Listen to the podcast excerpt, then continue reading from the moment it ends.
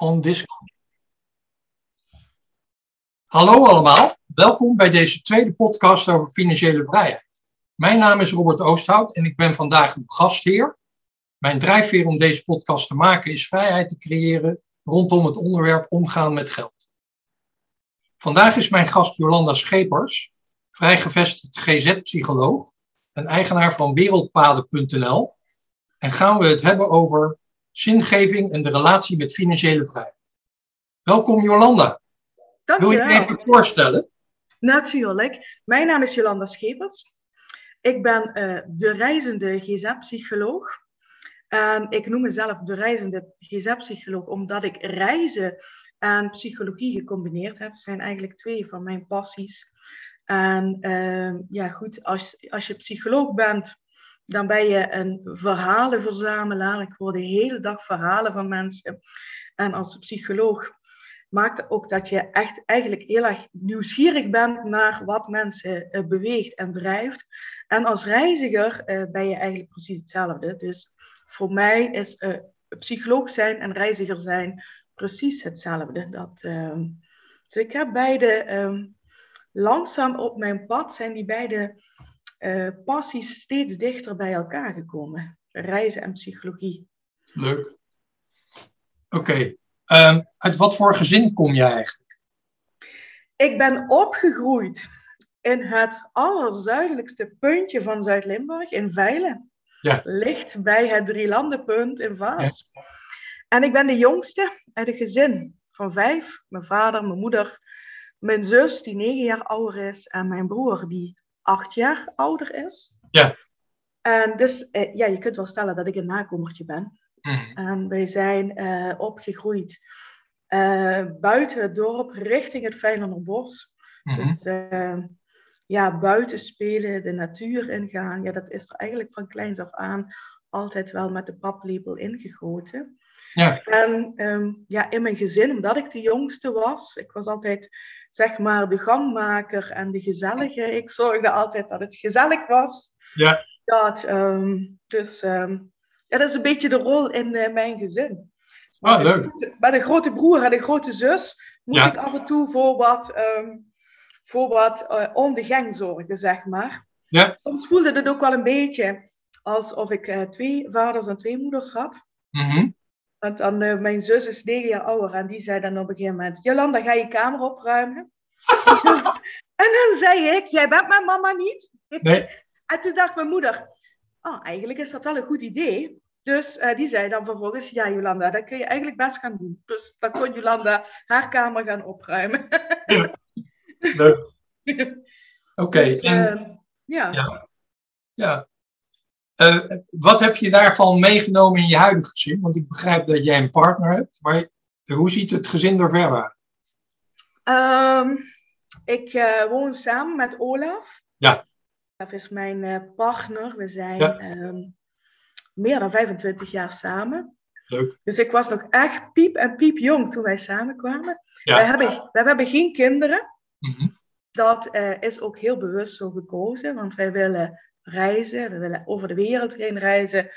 En um, ja, eigenlijk gaandeweg is dat, is dat zo gegroeid. Is nooit hè, dat, we van, hè, dat we gezegd hebben, oh, er komen geen kinderen. Maar we hebben op een gegeven moment besloten, nee, maar dit is het leven wat wij willen leiden. Ja. Uh, reizen, vrijheid. En uh, daarin zijn we helemaal happy met z'n Ja. tweetjes. Daar gaat het om. Precies, precies, Ja. precies.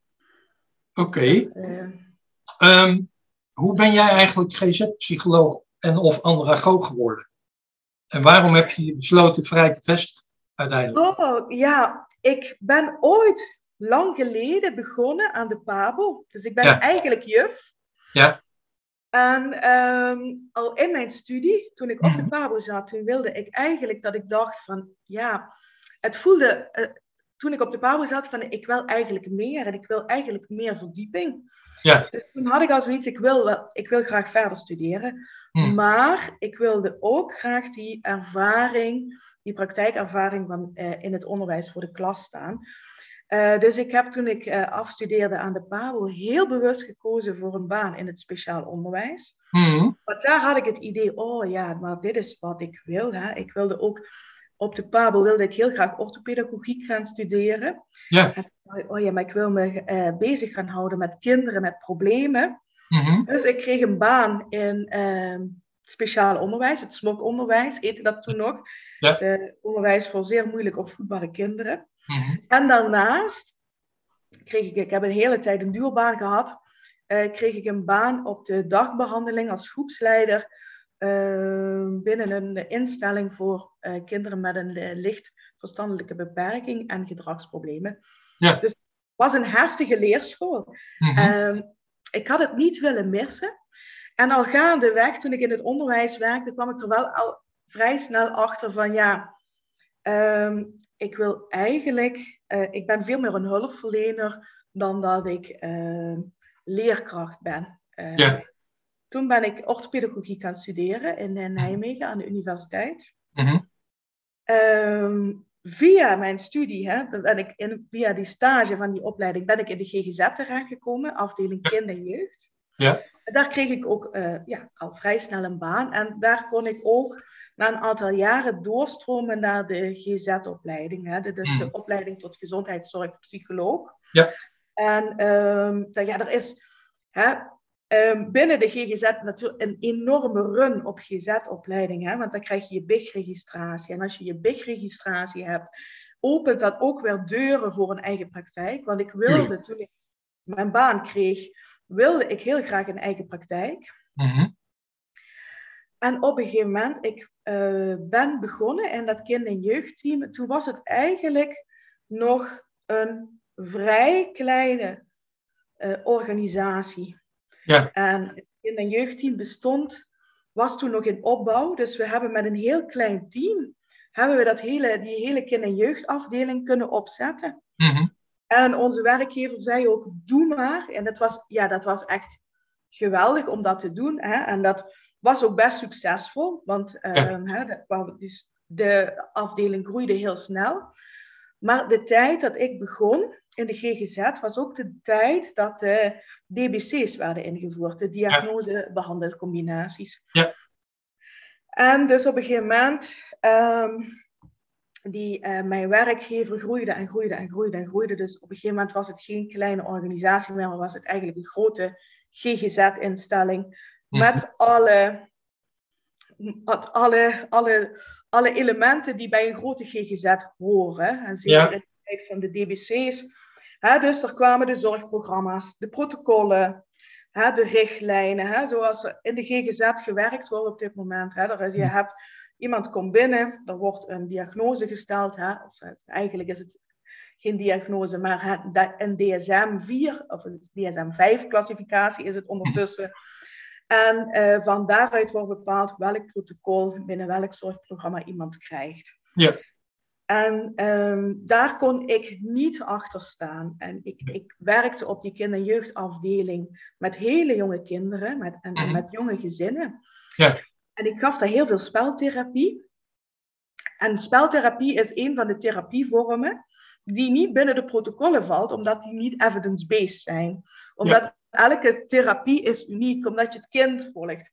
Dus je kunt het niet standaardiseren, dus het is geen protocol. Dus die speltherapie die werd eigenlijk een beetje aan de kant geschoven, hè, als niet Mhm. zijnde evidence-based eh, behandeling die niet in het protocol paste. Dus dat ging wringen op een gegeven moment.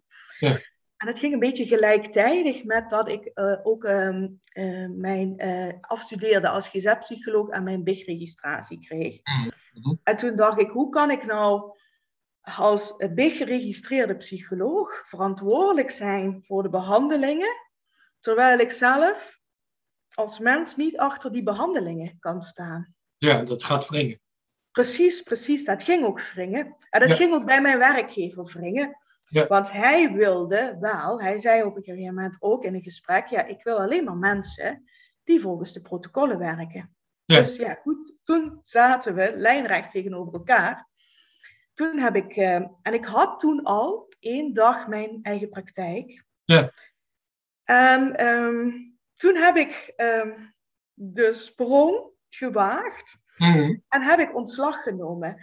Ja. En, ehm, dat is eigenlijk het beste geweest wat me ooit is overkomen. Hè? Want ik Ja. zei altijd, het is ja, misschien, misschien herken je dat zelf ook. Het is altijd Mhm. heel spannend als je in loondienst bent. Ja. En ook nog een vast contract hebt in loondienst. Ja. Om dat op te zeggen Mhm. om volledig zelfstandig ondernemer te worden. Hè? Ja. Waarbij je op dat moment die zekerheid niet hebt. En ik zei altijd, ik heb nog één zetje van mijn werkgever nodig, zei ik dan. en ja, goed hè. Be careful what you wish for, hè? Ja, ja, En ja. Jij vraagt en het universum zegt, hier komt ie.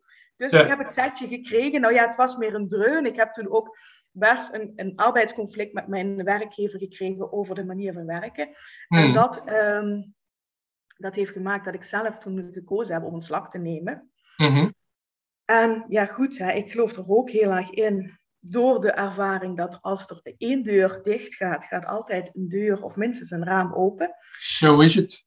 Dus ik kon ehm, als eh vrijgevestigde heel snel in een eh, huisartsenpraktijk, daar zat al een psychologenpraktijk in, kon ik als vrijgevestigde aan de slag.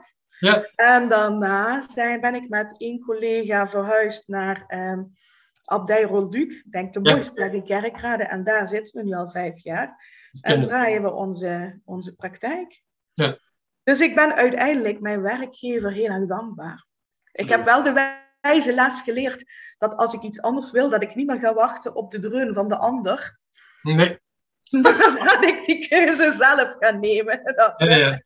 ja, dus, dus eh, een vrijgevestigde praktijk is voor mij echt een hele bewuste keuze geweest, omdat ik voor mijn gevoel, en tuurlijk, hè, ik werk nog altijd in de volwassenzorg voor de zorgverzekering. En ook voor de vrijgevestigde praktijk heeft de zorgverzekering bepaalde eisen. Ja. Maar ik heb wel het idee als vrijgevestigde heb ik iets meer ruimte en marge om dat naar mijn idee eh, vorm te geven. Zo waar ik achter kan staan wat eh, goede therapie is. Mhm. Nou, wat ik merk vanuit, de, vanuit mijn invalshoek, dat is, ik geef natuurlijk al 36 jaar rechtshulp aan psychiatrische patiënten. Ik Tegenwoordig. wou net zeggen, jij zit ook wel heel erg betrokken op eh, de GGZ-zorg, hè? Ja. Vanuit die Is- kant, hè? Dat is eh, veroorzaakt doordat ik een oma had van moederskant, die op een gegeven moment schizofreen werd. Eh, mm, voor mij is wel duidelijk waar dat door ontstaan is, omdat zij haar man heeft verloren in de oorlog. mhm, Die mhm. werd vermoord door de Jappen. Omdat Mhm. namelijk, eh, hij was lid van de vernietigingsgroep van de raffinaderij in Balikpapan. Alleen, Mhm, mhm. de Japanners waren al op Balikpapan op het moment dat zij nog die eh, raffinaderij tot ontploffing moesten brengen. Ja, dus werden ze eh, gevangen genomen en met z'n allen naar het strand afgevoerd. En vervolgens werd er gezegd, loop maar de zee in. En vervolgens werd de mitrailleur erop gezet. Ja, weet je, dan echt afschuwelijk. En dan blijf je dus als jonge vrouw met twee kinderen achter. En dan moet je maar zelf zien hoe je dat gaat rooien. Nou, je weet je, we weten allebei, er zijn mensen die fluitend door het leven gaan, ongeacht wat er gebeurt. Maar zij kon dat kennelijk op de een of andere manier niet handelen. Mhm, Ja, ja. En Ja. toen, toen was het zo dat mijn moeder heeft jaren achter haar aangelopen. Zo erg zelfs dat mijn vader op een gegeven moment zei van Sonja, je moet daarmee ophouden, want het kost ons ons huwelijk. Mhm, mhm. Toen was- toen waren de professionele mensen al in zicht. Dus er was een wijkverpleegster die haar bijstond enzovoort. Eh, en ze is eh, ook, ook overal opgenomen in de Ursula Kliniek in, eh, in Wassenaar toen nog. Op Rozenburg, wat nu Parnassia is. Mhm, nou ja, shocktherapie heeft ze gehad. Eh, ja, en op een gegeven moment kreeg ze een hersenbloeding. Toen lag ze in Leijenburg. En toen kwam ik daar met mijn toenmalige vriendin. En toen eh, rook ik die beetje eh, eh, die geur die je wel hebt op afdelingen waar veel terminale patiënten liggen. Mhm, mhm. Nou, en toen dacht ik, oh jee, nou, dit is, als dit zo doorgaat, is ze binnen 14 dagen weg. Nou, mooi niet. Oh, Mooi niet. Weet je wat er gebeurde? nee. Ze was binnen 14 dagen was ze in het verpleegtehuis op de Perponcherstraat. Dat is in, ook in Den Haag. Mhm, mhm. Alleen, ja, ik kwam daar op bezoek en ze kon niet meer spreken, want de prefrontale cortex was aangetast. Oké. mhm. Ze kon zelfs niks meer op een leesplankje schrijven of weet ik wat. Dus ja, weet je, ik had een tekortbehoefte. Ik had zoiets van, ja, nou ben ik eh 3,24. Nou ben ik binnen 10 minuten uitgesproken. Eh, hoewel ik wel zie dat ze het waardeert. Dat ik er ben. Dat ik zie aan haar ogen hè, en aan haar. Maar ja, weet je, als jongen van 3,24 heb je, heb je geen gesprekstop na tien minuten. Dus ik dacht van, hoe ga ik dit vormgeven? Nou, toen werd ik advocaat. Dat ik uh, uh, later mijn uh, rechtsstudie had afgemaakt. En toen ben ik dit gaan doen. Want ik dacht, weet je, dan kan ik voor al die mensen die ook met dit soort problemen dealen, kan ik in ieder geval nog van betekenis zijn. Ja. Mm -hmm, ja. Nou ja, dat. En wat ik zie, want ik kom uit een liberaal-katholiek gezin, dat is dat eigenlijk, kijk, Hans Hogevorst heeft de uh, GGZ en sowieso de gezondheidszorg geprivatiseerd. Vervolgens kwamen die DBC-codes. Mhm. En zei de verzekeraar zelfs tegen jullie van, uh, je mag alleen maar op basis van de DSM declareren, anders krijg je geen geld. Ja, Nou. klopt. Klopt. En, en dan is er nog een ander aspect. Uh, de vraag over wie het primaat heeft in de geestelijke gezondheid is vooralsnog gewonnen door de psychiaters en niet door de psycholoog. Terwijl ik vind, en dat heeft vooral te maken met het verdwijnen van de kerken, dat het stuk zielszorg, dat kan door psychiaters helemaal niet gedaan worden, want die zijn daar niet voor opgeleid. Dus de psychologen hebben daar wel degelijk een rol. Alleen dat Ja. is in het TBC-systeem totaal niet meegenomen. Nee, nee, nee, nee. En, en, en, wat jij ook zegt, hè, kijk, en het, het, het, het voert nog wat verder, hè, want Ja. uiteindelijk bepaalt de verzekering ook zelfs welke DSM-classificaties wel vergoed worden en welke niet. Want er zijn er een aantal die in de DSM staan, waar de verzorgverzekering van zegt, die vergoeden we niet. Dat klopt. En Nou, eh, ja, goed, daar kan ik je wel hele interessante verhalen over vertellen. Hoe dat dan werkt, hè, hoe dat hele DSM-systeem werkt. Ja. En hoe eh, GGZ-instellingen daarop ingaan. En dus ook eigenlijk de zin en de onzin van het hele DSM-systeem. en dat hele DBC-systeem. Want Mhm. uiteindelijk, en dat is ook eigenlijk de reden geweest waarom dat ik ehm, uit die grote GGZ ben gestapt Mhm. is dat het gewoon ook echt, dat ik denk, ja, weet je, in de GGZ zijn ze met zoveel dingen bezig, behalve met, die, Met met, diegene die in de kamer zit en die met klachten komt. Inderdaad. En die zegt, help mij, want ik wil mijn leven weer op de rit krijgen. Ja. En ik wil weer weten wie ik ben, want ik ben mezelf ergens onderweg kwijtgeraakt. Klopt. En Nou, dat, en- eh, ja, het en ik probleem denk, daar is dat het door de overheid gefinancierd wordt. En dat de overheid maar één primaat heeft sinds 2004. Wij gaan het niet meer voor u doen. Mhm, Dit heb ik van een staatssecretaris. mhm, mhm. Nou ja, dus, dus het is volstrekt duidelijk waar die hele privatiseringsgolf vandaan komt. Ja. Maar daar wilde ik niet te lang bij stilstaan. Ik wil het vooral over jou en over zingeving hebben. Ja, precies, precies. Dus Maken we eens een andere podcast over, over de ja. Privatisering in de zorg en de, en de systemen in de GGZ.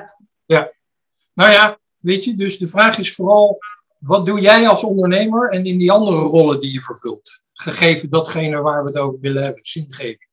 Ja, ja, precies, precies.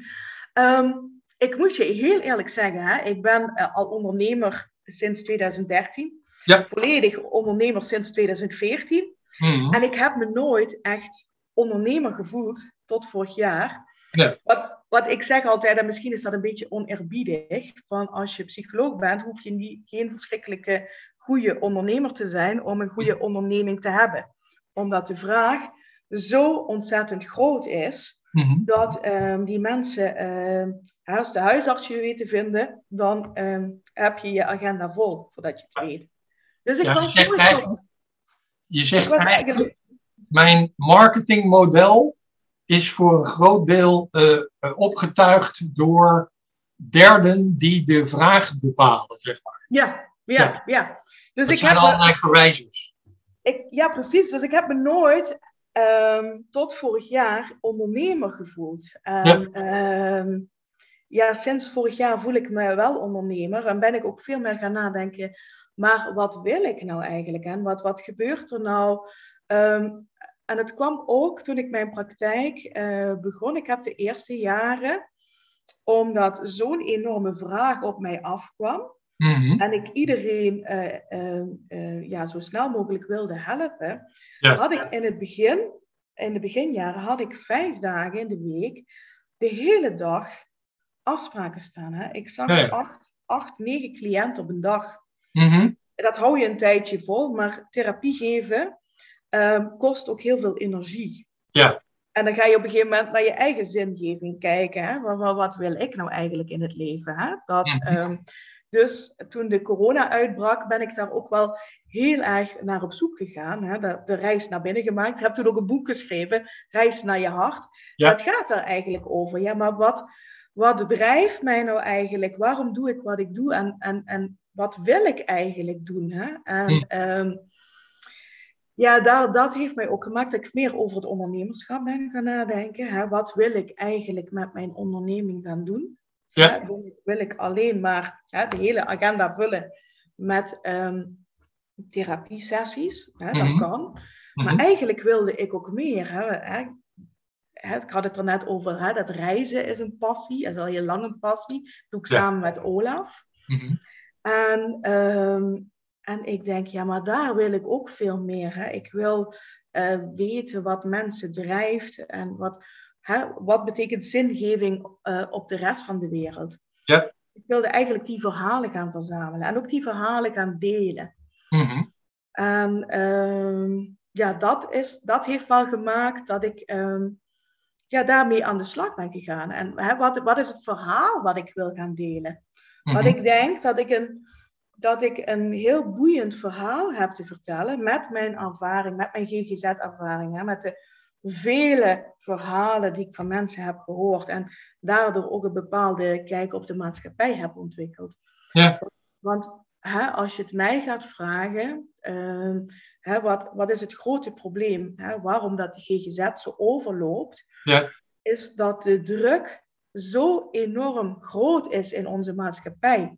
Mhm. En ik vraag me wel eens ook wel eens af, ehm, hè, hoeveel mensen doen hier in ons land wat ze daadwerkelijk willen doen?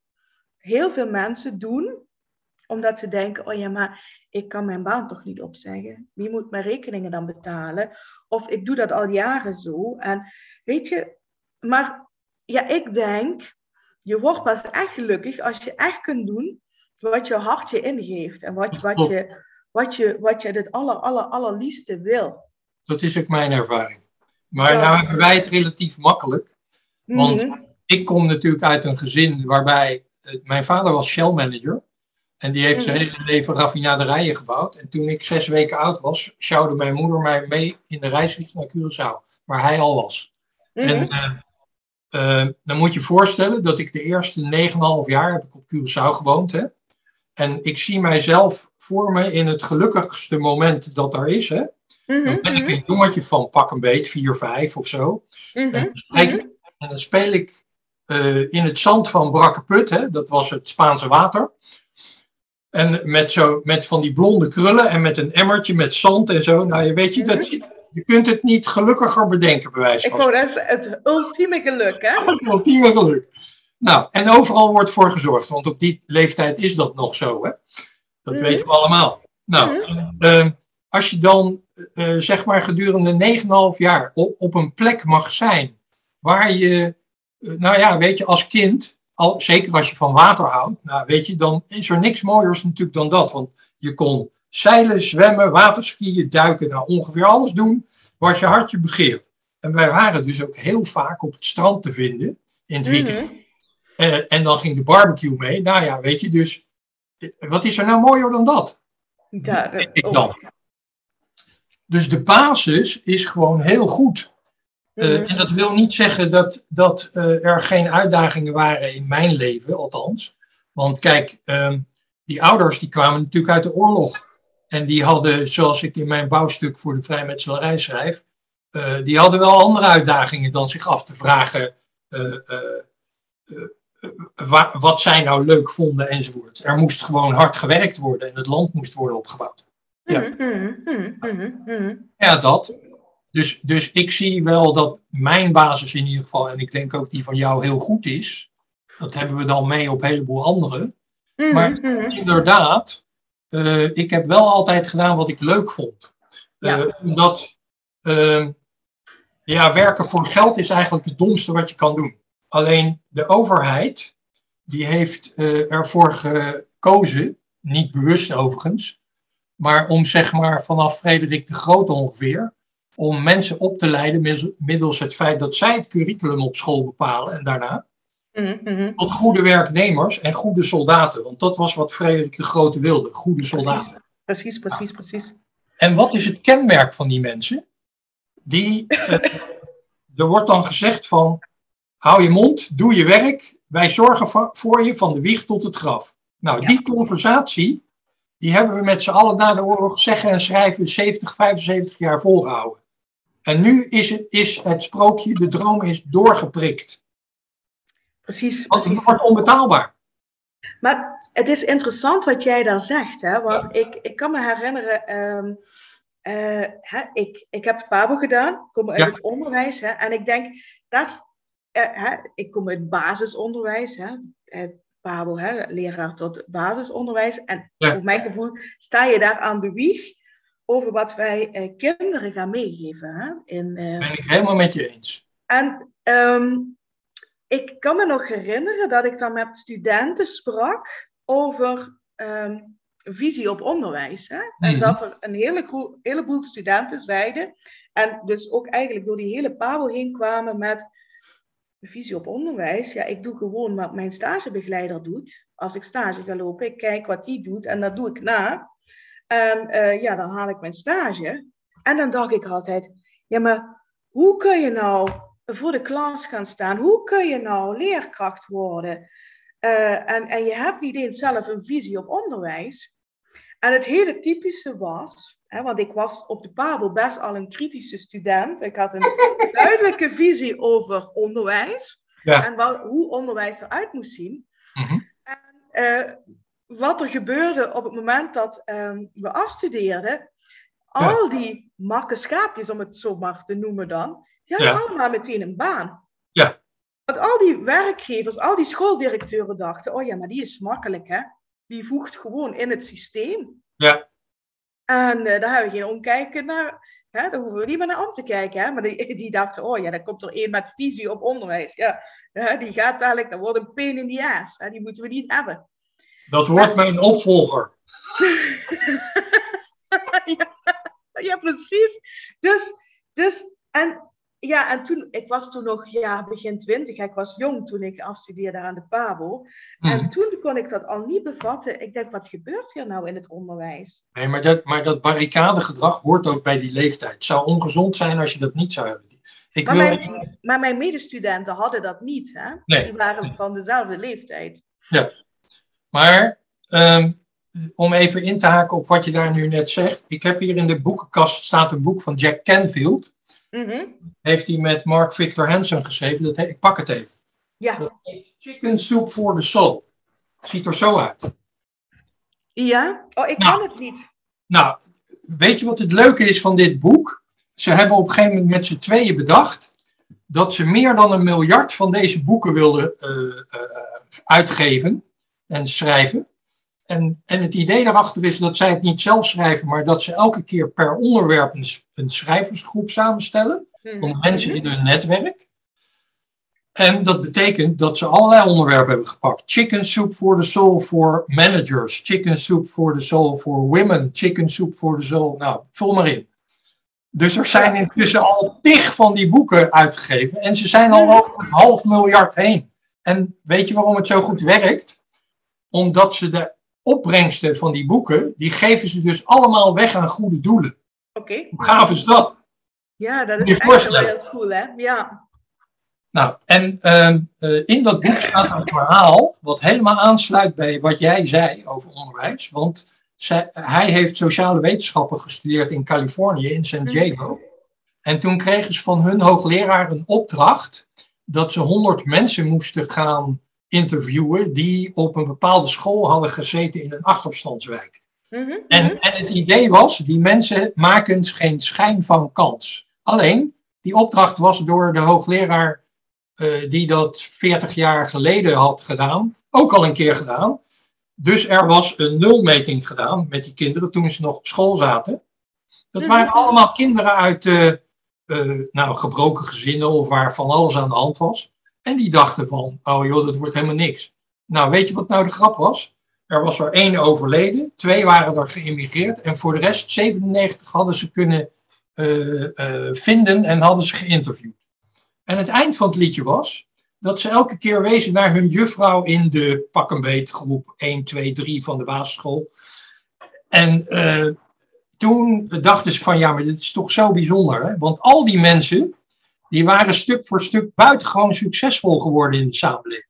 Dus je moet je voorstellen, daar zaten hoogleraren tussen, rechters, uh, medisch specialisten, uh, advocaten. Nou, bedenk het maar, wat je allemaal kan. Fantastisch, fantastisch.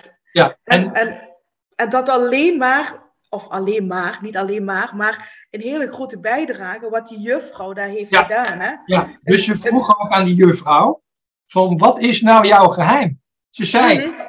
Dat is heel eenvoudig. Liefde en bekrachtiging. Punt. Ja, ja, precies, Die hebben die kinderen niet nodig. precies, precies, dat, precies, precies. Ja. Liefde en, en het gevoel geven, jij bent belangrijk, je doet ertoe, jij kunt het. Exact. Hè? Exact. Pre- Dat is het, hè? Je En daar hebt, draai- daar één, draait het eigenlijk om. je hebt maar één persoon nodig in je leven, hoeven niet eens je ouders te zijn, die werkelijk van je houdt en die Ja. jouw potentie ziet. Ja, En dan ga je vliegen. ja, ja. En dat heeft mijn oma van vaderskant, die was namelijk ook onderwijzeres. Die heeft mij op haar 75ste nog even door het eindexamen heen gehaald. Mhm, mhm. Moet je je voorstellen, ik eh, eh, woonde bij een gezin in huis in Voorburg, omdat mijn ouders opnieuw op Curaçao waren. Mhm, ik was 17 en ik zat in de eindexamenklas. En toen heb ik besloten dat ik de laatste twee weken bij haar ging doorbrengen. Want Mhm. zij, als ik dat niet doe, haal ik mijn eindexamen niet. Mhm, mhm. En wat ze deed was gewoon, eh, ik ging leren overdag en dan eh, tegen vijf uur ging ze me overhoren en dan zei ze daarna, je moet dat en dat nog maar eens nakijken, want dat zit er nog niet zo goed in. Maar ik haalde mijn eindexamen wel, hè. Ja, ja, Uiteindelijk. ja. Ja, Ik moest wel twee vakken herexamen doen, maar ja, weet je, toen ben ik zo kwaad geworden, toen dacht ik, ik zal jullie krijgen. Dus, dus, wat, dus wat daar gebeurde was, mijn killersinstinct kwam boven. ja, ja, de fight-modus kwam omhoog. Hè? Ja, inderdaad. En, maar, wat jij daar zegt, het, kijk, in therapie werkt dat niet anders. Hè? Ik, had Nee, laatst ik had laatst een cliënt en ik heb die vrouw al een hele tijd in therapie. Ja. En ehm, ja, het is echt een heel triest verhaal met veel ehm, ja, vroegkinderlijke trauma's. Ja. En ze zei toen ze wegging, zegt ze, weet je, zegt ze, ik ben zo blij dat ik bij jou in therapie ben en dat ik jou heb mogen ontmoeten, zegt ze, want jij accepteert mij volledig zoals ik ben. En Ja. omdat jij dat doet, kan ik mij ook accepteren zoals ik ben. En-. Ja, weet je, daar, krijg ik gewoon kippenvel van. Hè? Want Ja. dan denk ik, ja, maar dit is de essentie waar therapie over gaat. Hè? Ja. Eh, iemand die zich zo volledig zelf is kwijtgeraakt en, en, en, en, en zo vaak bevestigd is geworden eh, in het verleden van jij bent niet oké. Mhm. Dat die dan mag voelen, eh, je bent oké zoals je bent. Je bent een mooie mens. Ja. En ehm, weet je, ja, we hebben het in de, in de therapie altijd, we hebben het in de, in de GGZ altijd over behandelmethodieken en protocollen. Mhm. Maar uit onderzoek is gebleken hè, dat het, het, het, het aller, allerbelangrijkste wat werkt in therapie, volgens mij iets van 75% van het welslagen van de therapie, Ja. is de therapeutische relatie. Dat je, Ja. dat je vertrouwen in elkaar hebt. Hè? Mhm. Dat, dat, dat, dat hè, de cliënt vertrouwen in, in jou als therapeut heeft, maar andersom ook. Hè? Dat jij een, een, een, een onvoorwaardelijk vertrouwen hebt dat die, ehm, die persoon dat kan. Mooi. En ehm, ja, dus, dus hè, of je nou, ehm, kijk, ik denk of je nou eh, ehm, leerkracht in het basisonderwijs bent. En ja, eh, ik vind dat wel ook heel belangrijk, hè, want je werkt daar met hele jonge kinderen. Mhm. Mhm. Wat je jonge kinderen meegeeft, hè, dat blijven vaak patronen hè, die, ehm, die voor de rest van het leven bestendigd worden Klopt. of in een therapie. Hè? Maar het gaat erom, hè, ik denk, een van de essenties in onze menselijke relaties is, ik zie jou, jij bent belangrijk, ik respecteer jou zoals je bent. Precies. En weet je wat zo leuk is? Want jij zegt dat nu. Maar ehm, ik heb getraind bij Blair Singer. Blair Singer is een van 's werelds beroemdste uh, sales trainers. Mhm, mhm. En die begon op een gegeven moment over, er is een directe relatie tussen je, de omvang van jouw bankrekening en jouw portemonnee. Uh, maar hij had het ook over, en dat is misschien nog belangrijker. Hij zei, de mate waarin ja- jij van jezelf houdt, is van belang voor de omvang enzovoort. Mhm, Dus mhm. ehm, ehm, ja, ik vond dat wel. eh, Kijk, weet je, eh, als je dat dan omdraait en ik kijk naar mijn broer en mijn zus, die allebei multimiljonair zijn. De een omdat ze geen zitvlees had en met een rijke man trouwde, waar ze overigens wel van houdt. Want Mhm, mhm. ehm, dat was wel de basisvoorwaarde. Ja, ja, ja. En, en mijn broer zei, eh, ik ga fiscale economie studeren. Dus die heeft zijn hele volwassen leven besteed aan de conversatie die gaat over geld. Nou, Mm. weet je, dat je dan op een gegeven moment goed boert, eh, dat is niet zo raar. Mhm. Eh, maar je kunt ook iets zeggen over de mate waarin zij zichzelf hebben verkocht. Eh, Mhm, mhm. Want dat doen we namelijk 24 uur per dag, 7 dagen in de week, ons hele leven lang. Ja. Dus ik zou tegen hun kunnen zeggen, ja, jullie hebben, eh, maar ook door wie zij waren in het gezin, want zij waren twee en drie. eh, jullie hebben je eigenlijk beter verkocht dan ik. Ja, ja, ja, ja, ja, ja, ja, ja, ja, ja. Overigens doe ik mezelf dan ook tekort, want Oh, het is nou eenmaal de, eh, inherent aan de rol van de oudste in een gezin, dat je de wegbereider bent. Ik wou net Ja, zeggen, jij bent de oudste, hè? Dat betekent dat je deuren moet openen die tot dan toe nog gesloten waren. Mhm, mhm, mhm. Maar dat wordt, dat wordt tegenwoordig niet of nauwelijks meer erkend in de samenleving. Doordat Napoleon eh, op een gegeven moment zei: van luister, iedereen is gelijk. Ja, gelijkwaardig, zeker. Eh, maar van gelijkheid is natuurlijk nooit sprake. Mhm. Maar weet je, de positie in een gezin is zo tekenend en zo belangrijk. Ja. Dat, ehm, hè, dat, kijk, ik wil niet in stereotypen praten, maar het is, het is gewoon de positie die jij hebt, hè, de rij die jij hebt in de kinderrij. Ja. Het is gewoon heel erg belangrijk. Inderdaad.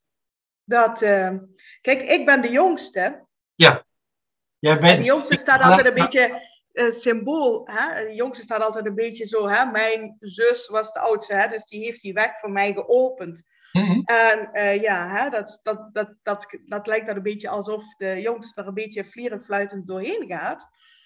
Ehm, maar dat, dat is wel nog altijd de posities die wij nog steeds in het gezin hebben. Hè? Mijn zus kan soms ook zeggen, ja, jij hebt makkelijk praten. Ik denk dan wel eens, ja, waarom heb ik makkelijker praten dan jij? Maar goed, hè? maar dat is wel, dat komt voort uit die posities die wij hebben. En die Hè? posities die bepalen ook. Kijk, weet je, vaak is het zo dat de oudste vertoont ver- verwacht gedrag. Ja, En nummer twee ook, alleen precies omgekeerd. Tegengesteld aan de oudste. ja, En die derde heeft dus de mogelijkheid om vanuit die context te zien wat werkt en niet werkt. En haar Mhm. eigen of zijn eigen rol te kiezen. Mhm, mhm. En in die zin heeft de derde het dan misschien makkelijker. Maar ja, weet je, het is ook een kwestie van, je bent nou eenmaal in die rol. En je Ja. kunt niets anders, want dat is jouw paradigma. Ja, precies, precies, precies. En ik weet nog wel eens hè, dat mijn zus dan, die, kijk, vroeger vond zij mij soms wel eens een verwend, verwend nest, zeg maar. Hè, dat ik jongst was, nakomertje was. En ehm, dan, eh, ik was me dat nooit zo bewust, maar dat heeft ze me later verteld. Dan zei ze wel eens tegen mijn moeder, als mijn moeder eh, iets vroeg aan mijn zus, kun je dat of dat doen? Dan zei ze, ja, vraag dat maar aan Jolanda. En dan zei Mhm. mijn moeder, nee, dat hoef ik niet te vragen, want die doet toch waar ze zin in heeft. Dat, eh, dus dat, dat was een beetje. En ja, ik denk ehm, daarin, en, en ik ben wel altijd zo eh, gebleven als persoon. Hè? Ik doe eh, vooral waar ik zin in heb. Hè? Waar, waar, ik geen zin in heb, ja, dan, dan besluit ik toch al vrij snel van dat we daar afscheid van moeten gaan nemen. Ja. Dus Ik wil heb- even de shutters dicht doen van mijn raam, want die Oh zon ja, te veel ik zie, ik zie het, ja, ik zie het op je... En dan gaan we daarna verder met wat we hier bestaan, want anders dan lopen we te veel. Oh ja, helemaal goed. Even kijken. Dit. Oké, nou, daar ben ik. Ehm, Yes. ja, dus ehm, jij begon daar net al over, maar ehm, de vraag is eigenlijk van, wat is jouw drijfveer om dit werk te doen? wat is mijn drijfveer om dat werk te doen? Eh, mijn drijfveer is, mijn essentie, mijn, mijn missie is, ik wil uh, mensen helpen bij het vinden van zingeving in hun leven. Ja. Ja. En dat doe ik uh, bij mensen in therapie. Mm uh, maar ik wil eigenlijk veel meer mensen bereiken. Hè? Kijk, als ik ga kijken in de therapie, hoeveel mensen kan ik per jaar behandelen? Hè? Ik weet het niet, dat hè, wisselt een beetje. Hè? Misschien 50 per jaar, misschien mm minder. Hè? Mm Maar dan, uh, dan, dan houdt het op. Hè? En toen dacht ik, ja, maar hoe kan ik meer mensen bereiken? Ja. Dus ik ben ook gaan kijken, een stap verder, naar die zorgprofessionals. Hè? Want ja. ja. ik denk, die zorgprofessionals zitten heel erg klem in het mm. systeem. Hè? En, en.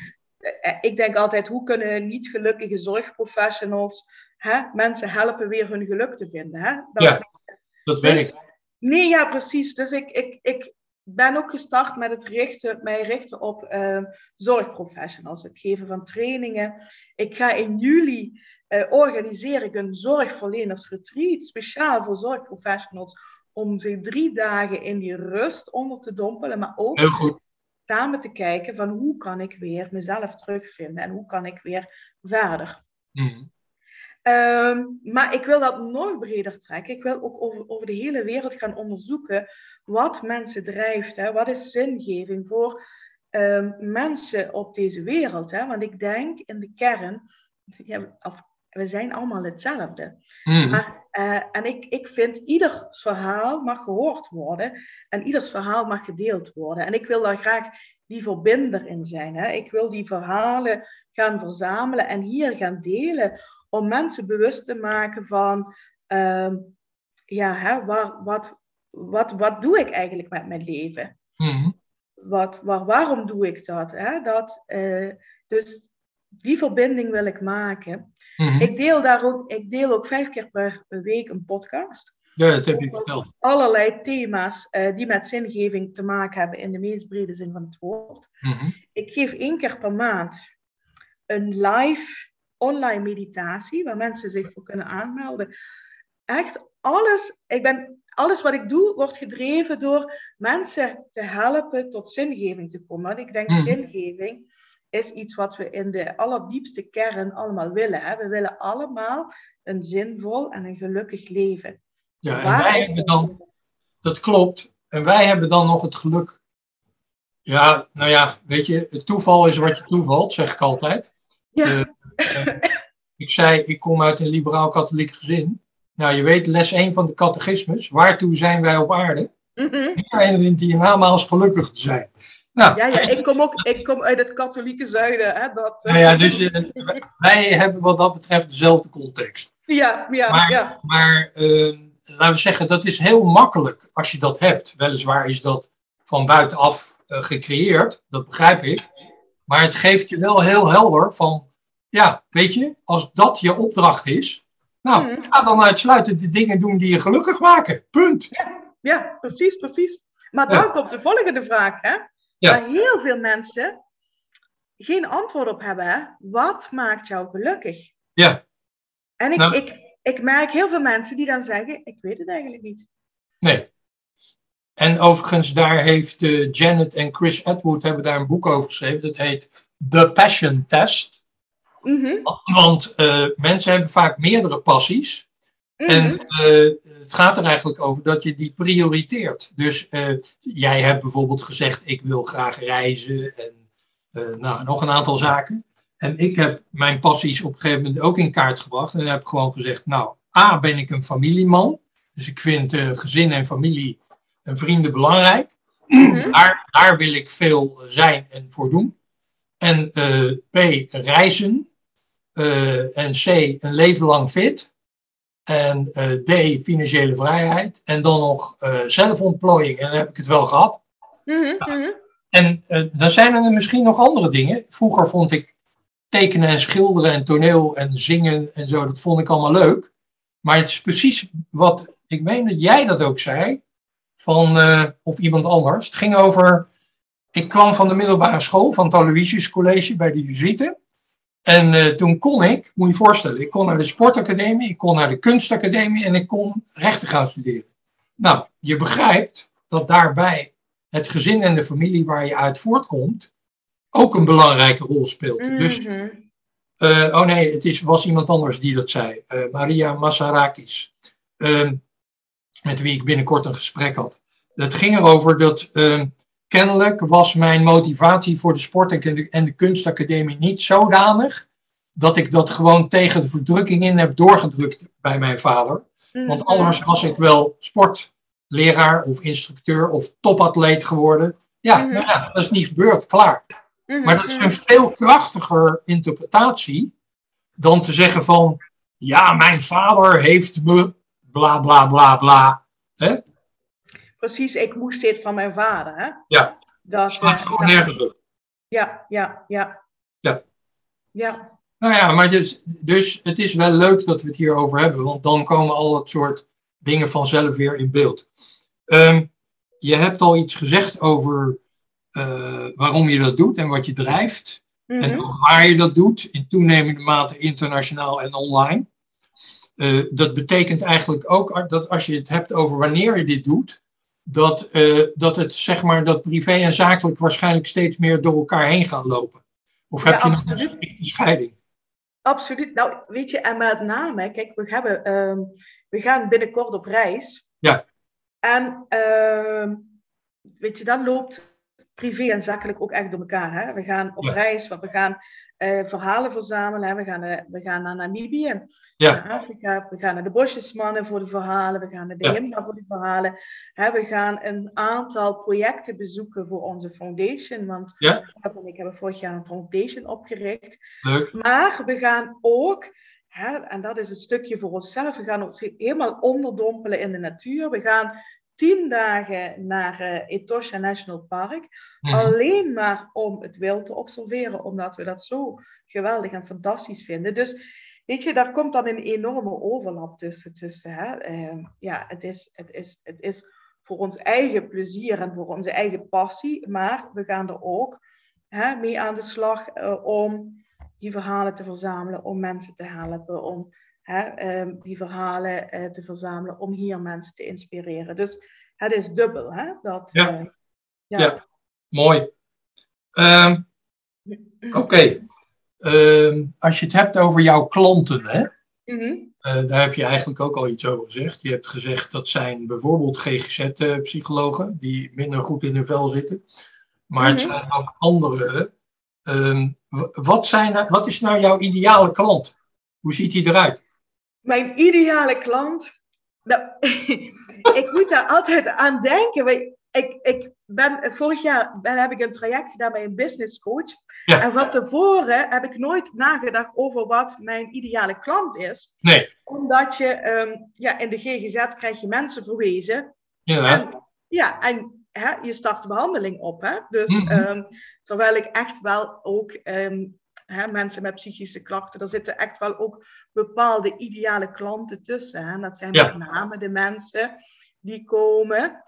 En het gaat nog niet eens zozeer over de ernst van de problematiek of waar ze mee komen, maar waar ik dat vonkje, die sprankel zie van ik wil hier helemaal voor gaan. Ja, Hè, die gaan dan als een tierenlier in die therapie. Hè? En, en ja, goed, hè, dat geeft mij als therapeut ook natuurlijk de meeste voldoening. Hè? Die, eh, die komen ook elke sessie en die zeggen: Oh, ik heb dit geschreven, of ik wil vandaag het hierover hebben, of hè, waar we het de vorige keer over hadden, hè, dat heeft me zoveel inzicht gegeven.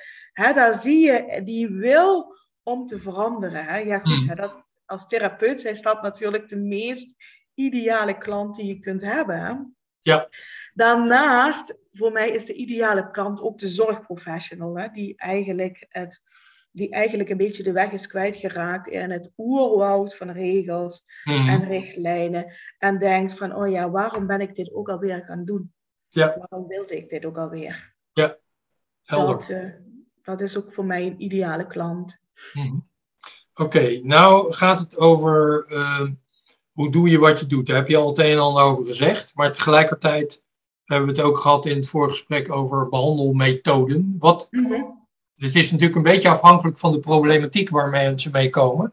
Mhm, Maar, mhm. maar je brengt ook jezelf in. Dus wat, wat zijn een paar favoriete eh, behandelmethoden die jij inzet om mensen te helpen?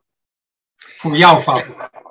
wat ik zelf heel fijn vind, wat ik zelf doe, en dat is niet zozeer een behandelmethodiek vanuit de psychologie, maar ik ga ehm, heel veel met mensen de natuur in. Ja.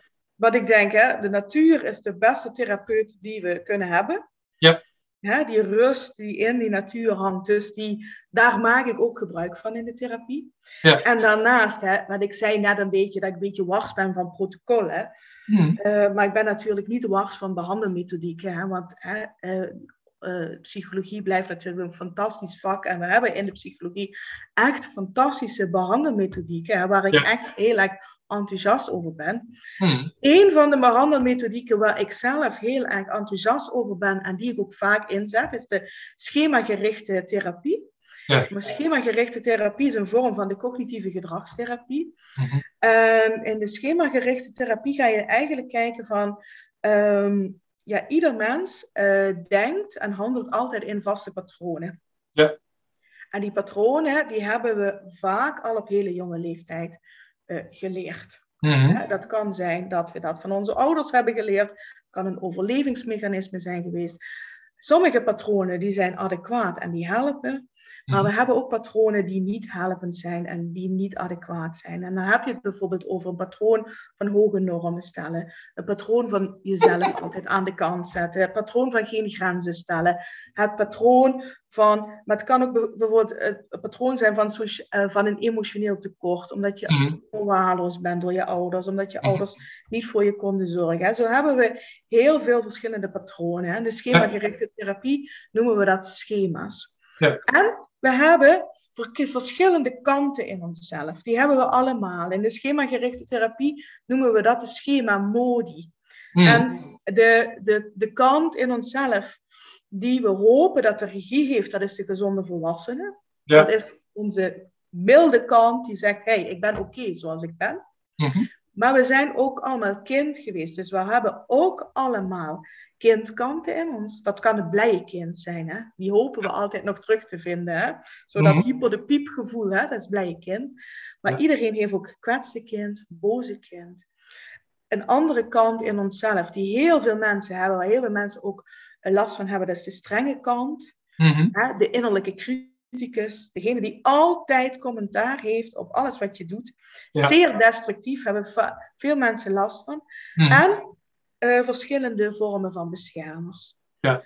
En eh, ja, dat is in een notendop waar de schemagerichte therapie over gaat. Mhm. En, ehm, ja, en, en met die therapievorm ga je ook echt de diepte in met mensen. Hè? Ja. Als je gaat kijken naar de cognitieve gedragstherapie, hè, de SEC, de cognitieve gedragstherapie, hè, dus het G-schema, het G-schema waarin de gedachten en ehm, hè, het, het, de, de gevoelens, hè, de emoties eh, ehm, ehm, eh, sturen.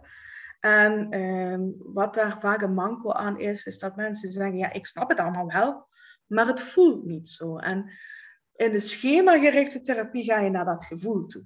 Mhm. Dat, eh, dat daar ben ik een hele grote fan van. Zet ik ook heel veel in, gebruik ik ook heel veel in mijn sessies.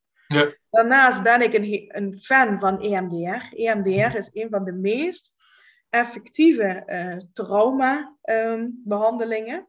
Mhm. ik zeg ook altijd de meest klantvriendelijke, hè? want ja goed, hè?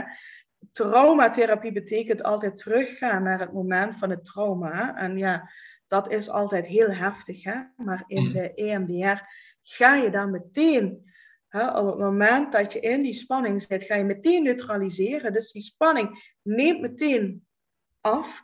Mhm. En ja, daar ben ik ook een heel groot ehm, ja, voorstander van EMDR.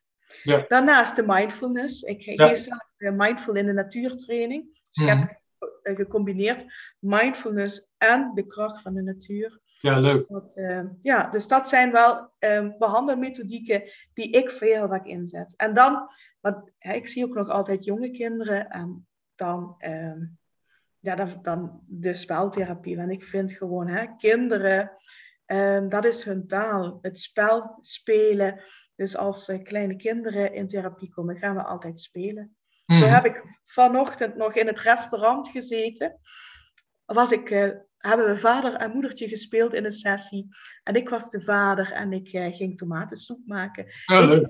Weet je, dat vind ik fantastisch. Uh, en Mm. het, het- ja, het hele leuke van mijn werk in mijn praktijk is ook dat ik alle leeftijden zie. Hè, de jongste die ik ooit in behandeling heb gehad, die was twee. En de oudste die ik in behandeling heb gehad, die is 86 en alles wat ertussenin zit. En Ja, leuk.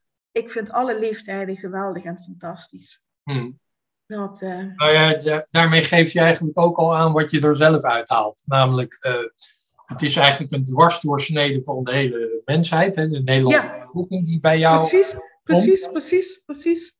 qua leeftijd, maar ook qua problematiek. En, Qua eh, problematiek, maar ook qua ehm, sociaal-economische status. Hè? Exact. Ik, heb, ik heb een directeur op de bank zitten, maar ik heb ook hè, de bijstandsmoeder op de bank zitten. Ja, ja. Dat, eh, ja. hey, en ehm, als je nou de koppeling tussen zingeving en financiële vrijheid maakt, hè? Mhm. waarom is dat wat jou betreft zo belangrijk? Ja, wat voor mij belangrijk is, hè, ehm, ik, ehm, vroeger dacht ik altijd, hè, en daar deed ik mezelf tekort mee, hè, dan zei ik altijd, als je psycholoog bent, dan word je nooit rijk. en ik zei altijd, Robert, sorry dat ik het zeg, maar dan zei ik altijd, ja, dan had ik beter ehm, rechten kunnen gaan studeren en advocaat kunnen worden. Ja, In plaats van psycholoog. Ja, on. dat- En, ik, ik, en toen, ehm, eh, vorig jaar heb ik me heel erg verdiept in money mindset. Mhm. ehm, en ehm, passieve geldstromen, financiële vrijheid. Ja. En toen dacht ik, ja, maar ik doe mezelf enorm tekort. Mhm. Door mezelf wijs te maken dat een psycholoog niet eh, rijk mag worden of niet veel geld kan verdienen. Ja. En voor mij betekent vrijheid is voor mij een heel belangrijk goed. Hè? Wat, hè? wat ik ook zei, hè? Ik, ik, als kind had ik dat al. En ik, ik, ehm, hè, ehm, ik maak ook soms keuzes omdat dat voor mij goed voelt. Want ik wil die vrijheid hebben. Mhm. Voor mij is financiële vrijheid ook een vorm om nog vrijer te kunnen zijn. Ja. Ehm, op het moment, eh, en dat is wat ook echt een streven van mij, om, om financieel vrij te worden, zou betekenen dat ik nog meer zou kunnen reizen, nog meer voor onze, vanuit, voor onze foundation zou kunnen werken. En, en hè, dat zou me daarin nog meer ruimte geven. Dat, en voor mij persoonlijk zou dat ook veel zingeving geven Mhm. als je gaat kijken naar, als ik zie naar mensen bijvoorbeeld die in de praktijk komen of mensen in de samenleving, hè, Ja. ehm, die zitten soms voor, zo vast in het stramien, Mhm. in hun loondienstbaan, omdat ze alleen maar gefocust zijn op dat geld verdienen. Ja. Om alles. En ik denk vaak, ehm, ja, hoe moet ik dat zeggen? Heel veel mensen zijn eigenlijk diep van binnen niet gelukkig met hun baan. Nee. En gaan dat compenseren met het salaris wat ze krijgen, want daar gaan ze dan een stukje vrijheid mee kopen. Mhm. Een stukje geluk in die vakanties en in die weekenden. Ja. Maar eigenlijk, hè, als ze heel eerlijk zijn, zitten ze vast geketend. En ehm, ja, dat dit klinkt al heel dramatisch hoe ik dat zeg. Mhm. Maar en heel veel mensen hebben helemaal niet door van, ja, maar wacht eens even. Hè? Het idee van dat je niet zou hoeven te werken voor je geld, hè? Dat, dat is iets wat veel mensen helemaal niet bedenken. Nee. En het, het leidt ook heel vaak tot psychische klachten. Hè? Heel veel mensen die bij mij komen, die zeggen, ja, maar stel je nou eens voor dat ik mijn baan kwijtraak. Ik zeg, ja, en dan? Dan moet ik mijn huis verkopen. Ja, en dan? En dan? Ja, dat, en, en, ja, maar jij snapt dat niet. Daar heb ik mijn hele leven voor gewerkt. Oh, oké. En dan, weet je. Maar eh, dit zorgt vaak voor zo'n enorm psychisch lijden. Mhm. Die druk dat... ehm, en ik denk, ja, ik denk heel makkelijk. Hè.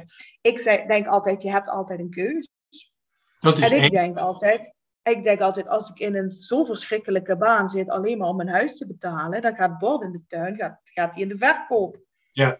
Denk ik, ja, dan liever, hè, liever in een, eh, in een flatje gelukkig, dan in mijn Mhm. huis ongelukkig. Ja. Ja. zo denk ik er dan over. Ja, ik ook. Ik had een mooi voorbeeld. Mijn oom, die was Jezuïet. En die was eh, missionaris in Indonesië. En die zei, mensen hebben eigenlijk heel weinig nodig. Eh, een dak boven hun hoofd. Eten in je lijf. eh, eh, kleren is ook wel handig. Mhm, Een stoel mhm. en een bed en een tafel. Nou, dan heb je het wel ongeveer gehad, hè? Ja, zegt, eh, en al het andere is eigenlijk luxe. Alleen kijk nou eens om je heen hoe wij dat leven. ja. Mensen vinden dat normaal, terwijl het helemaal niet normaal is. Mhm. Ja. Precies, precies, precies. Ja. Precies. Nou ja, Anyway, En, en, en terwijl ook ehm, dat eh, al die luxe soms ook voor heel veel onrust kan zorgen. hè. klopt. Want je ik moet het namelijk allemaal maar in stand houden. Precies, ik vind het bijvoorbeeld heerlijk als wij op reis gaan. Dan is alles wat je bij je hebt, zit in je rugzak. Hè? Klopt. Voor de rest hoef ik nergens verantwoordelijkheid voor te dragen. Hè? Dat is Ja. alles. Hè? Het zit, Precies. en meer heb je niet nodig in feite. Hè? Dat, Mhm. ehm, hey, even ehm, het onderwerp eh, waar we op het laatst nog even aandacht aan zouden besteden, namelijk de wet van de aantrekking. ja, Eh, Kijk, ik heb, ik heb jou eh, eh, een eh, invalshoek gegeven waarbij jij zei, oh, daar wil ik wel op reflecteren. Ik zei Mhm. tegen jou, kijk, natuurlijk kun je het hebben over de wet van de aantrekking, mhm. alleen de wet van de aantrekking, maar dat wordt niet verteld in de secret, ehm, eh, gaat eigenlijk over de wet van het bewust zelf creëren. Mhm, Oftewel, mhm, 99% van het werk is het denkwerk mhm, mhm, en 1% is de actie. mhm, mhm, En we creëren sowieso al de hele dag, ons hele leven lang. mhm. Maar dan gaat het er natuurlijk over. Waarom zou je niet gewoon bewust creëren datgene waar je op uit bent in je leven? Alleen vraagt dat wel een bepaalde mate van bewustheid van mensen. Ja. Hoe kijk jij daarnaar? Precies, dat is precies wat jij zegt. Hè? Kijk, van, ehm, eh, dat is die, hè, dat master your mindset. Hè? Ja. Hè, alles eh, wat jij ehm, in jouw hoofd hebt, hè, weet je, dan ontstaat ook een self-fulfilling prophecy. Hè? Exact. Waar jij precies, hè, wat, wat jij gelooft, dat gebeurt ook. Hè? Ik vertaal hem wel eens met mensen andersom die heel bang zijn. Dan zeg ik wel eens, als ik ga schaatsen, hè, ik zeg en ik ben heel erg onhandig. Hè? Ja. Ik zeg, dan ben ik bang om te vallen. Hè? Ik zeg, wat denk je dat er gebeurt? Ja, je valt. Ik zeg precies, ik val. Want ik, ik heb in mijn hoofd gezet, ik ga vallen. Ik zeg, mijn lichaam verkrampt. En dus ik ga vallen. Hè? Zo werkt het. Maar zo, zo kun je hem ook positief ehm, eh, eh, ehm, vertalen. Hè? Dat als jij ehm, het hele diepe vertrouwen hebt dat jij succesvol gaat zijn, of dat jij je doelen gaat behalen, of wat dan ook, Mhm. dan ga jij ook die kant op. Hè? En dat is ook wel waar wij het wel eens over gehad hebben, hè? die kracht van die affirmaties. Hè? Mhm. Elke ochtend en elke avond heb ik een lijstje met affirmaties die ik hardop voor mezelf met volledige aandacht eh, voorlees. Hè? Omdat alleen maar om mijzelf te laten, volledig te laten vertrouwen dat ik dit kan en dat ik ehm, dit ga bereiken. Ja. En, en daarbij vind ik wel zo, hè, kijk, ik heb wel eens ergens de spreuk gelezen, hè, het leven heeft geen afstandsbediening, dus je zult zelf in actie moeten komen. Ook dat, ja. Als jij op de bank gaat zitten wachten tot het gaat gebeuren, gebeurt het niet. Nee. Hè, je zult zelf in actie moeten komen Mhm. Om dat, ehm, om dat te kunnen bereiken. Ja. In de yoga hebben ze daar, in yoga hebben ze trouwens hele mooie verhalen. Mhm. En in de yoga is er één verhaal en het gaat over Krishna. Ja. Krishna, een, een avatar van eh, Vishnu. Mhm. Een hele, hè, eh, in India een, een, ehm, een godheid die veel vereerd wordt. Mhm. En het verhaal gaat dat er is een man die volledig ehm, vertrouwt op Krishna. Ja. En op dat moment eh, overstroomt zijn dorp. Mhm. Dus iedereen zegt, kom, we moeten maken dat we wegkomen, we moeten huizen verlaten. En die man zegt, nee, ik blijf hier, Ja. want ik vertrouw op Krishna. Ja. Vervolgens, die man, eh, ja, dat huis eh, komt onder water te staan, die man is in het water, daar komt een boot.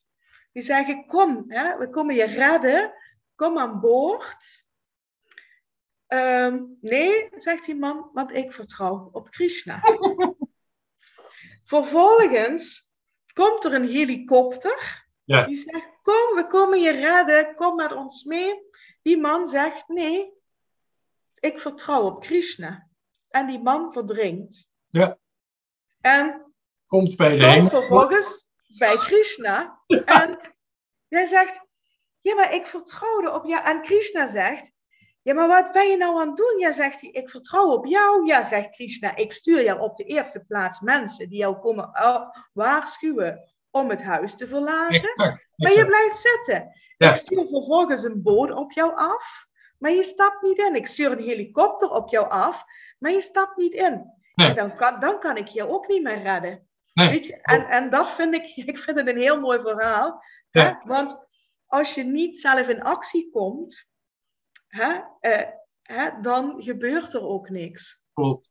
Hè, het universum legt het plan. eh, hè, hè, het universum laat soms iets op je pad komen. Hè. Zo, Mhm. hè, Jung, hè, en, en een van de grondleggers van de psychologie, hij heeft daar heel veel onderzoek naar gedaan. Hè, Mhm. naar die synchroniciteit. Hè, de, het toeval. Ja. wat het toevallig is om toevallig te zijn. Ja. Hè? Maar je moet het wel aanpakken, want anders Ja. gebeurt er niks. En ja, dat is voor mij ook wat de law of attraction inhoudt. Eens. Dat, eh, ja, Ik, ik kende overigens dit, eh, dit verhaal in de christelijke versie, waar die man vervangen was door de pastoor. Oh, die- maar dat, dat vind ik ook wel heel mooi, hè? want alle verhalen zie je in meerdere ehm, eh, ehm, stromingen voorbij komen. Ja. Ja, ja. Hey, ehm, laten we naar de afronding gaan. Ja. Als jij zou willen kijken naar wie uit jouw netwerk jij deze conversatie gunt, hè, deze, eh, je zou het kunnen eh, noemen een mastermind of groep. Eh, wie zijn dat dan? En zou je die mensen willen uitnodigen? Oh ja, zeker. Oh ja, zeker. Weet je, de eerste die ik zou eh, willen uitnodigen, dat is Olaf. Ja. Ik krijg natuurlijk heel veel van mij mee, hè, waar ik dan mee bezig ben. Hè, dus hij vindt dat ook allemaal heel erg boeiend. Ja. Maar dat ik ook denk, oh ja, ik zou hem ook heel erg gunnen dat hij dat gewoon vanuit de, hè, hoe noem je dat, vanuit de eerste graad meekrijgt. Hè, want Ja. nou krijgt hij allemaal via mij, vertel Mhm. ik daar enthousiast over. Mhm. En eh, ja, dit is ook iets wat hè, ons gezamenlijk pad is, hè, waar we samen onze dromen hebben. Dus dat Ja. zou ik hem heel erg graag kunnen. Mhm. En daarnaast, weet je, ik zie ook ehm, collega-psychologen hè, die, Ja. ehm, ja, die hun agenda bomvol hebben staan en, en hier helemaal niet mee bezig zijn. Hè. Dat, Mhm. Ik denk dat het echt voor heel veel psychologen een bewustwording zou zijn dat dit, ehm, dat, dat dit er is. Hè. Ik heb het er wel eens Ja. met mijn collega, vertel ik er wel eens iets over. En die zegt, financiële vrijheid, passieve geldstromen. Eh Jolanda, waar heb je het eigenlijk allemaal over? Hè? Ja, maar, dit, maar dat is precies waar het over gaat. Die mensen begrijpen niet eens de begrippen of distincties die in dat paradigma aan de orde zijn. En dan vinden ze het gek dat ze op een gegeven moment in de problemen komen. Ja, precies, precies, precies. Kijk, en eh, voor mij staat het ondernemerschap voor vrijheid. Hè? Ja. Maar ehm, ik zie heel veel ondernemers die eigenlijk een soort van ehm, eh, loonslaaf, om het dan maar oneerbiedig te zeggen, van hun Mhm. eigen onderneming worden. Hè? Ja. En dan denk ik, waar zit dan nog die vrijheid eh, in je ondernemerschap? Mhm. Mooi. Oké. Nou, ik wil je hartelijk bedanken voor dit buitengewoon boeiende gesprek. En ehm, laten we kijken of we elkaar eh, nog verder kunnen brengen in de ontwikkeling van eh, alles wat hiermee te maken heeft. Ik ga afronden.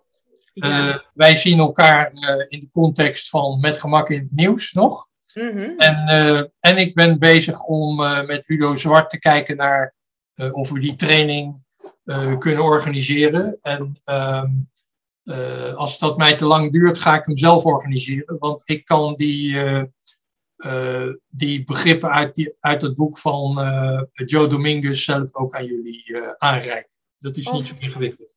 Fantastisch. Ja. Nou, Nou, Robert, jij heel, erg, jij heel erg bedankt voor het gesprek. graag gedaan.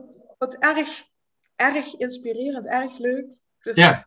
dank je wel. Oké, We zien elkaar weer snel, hè, volgens Zeker. mij. Bij Linda. tot gauw. Tot gauw, hè. Dag. Hoi, hoi.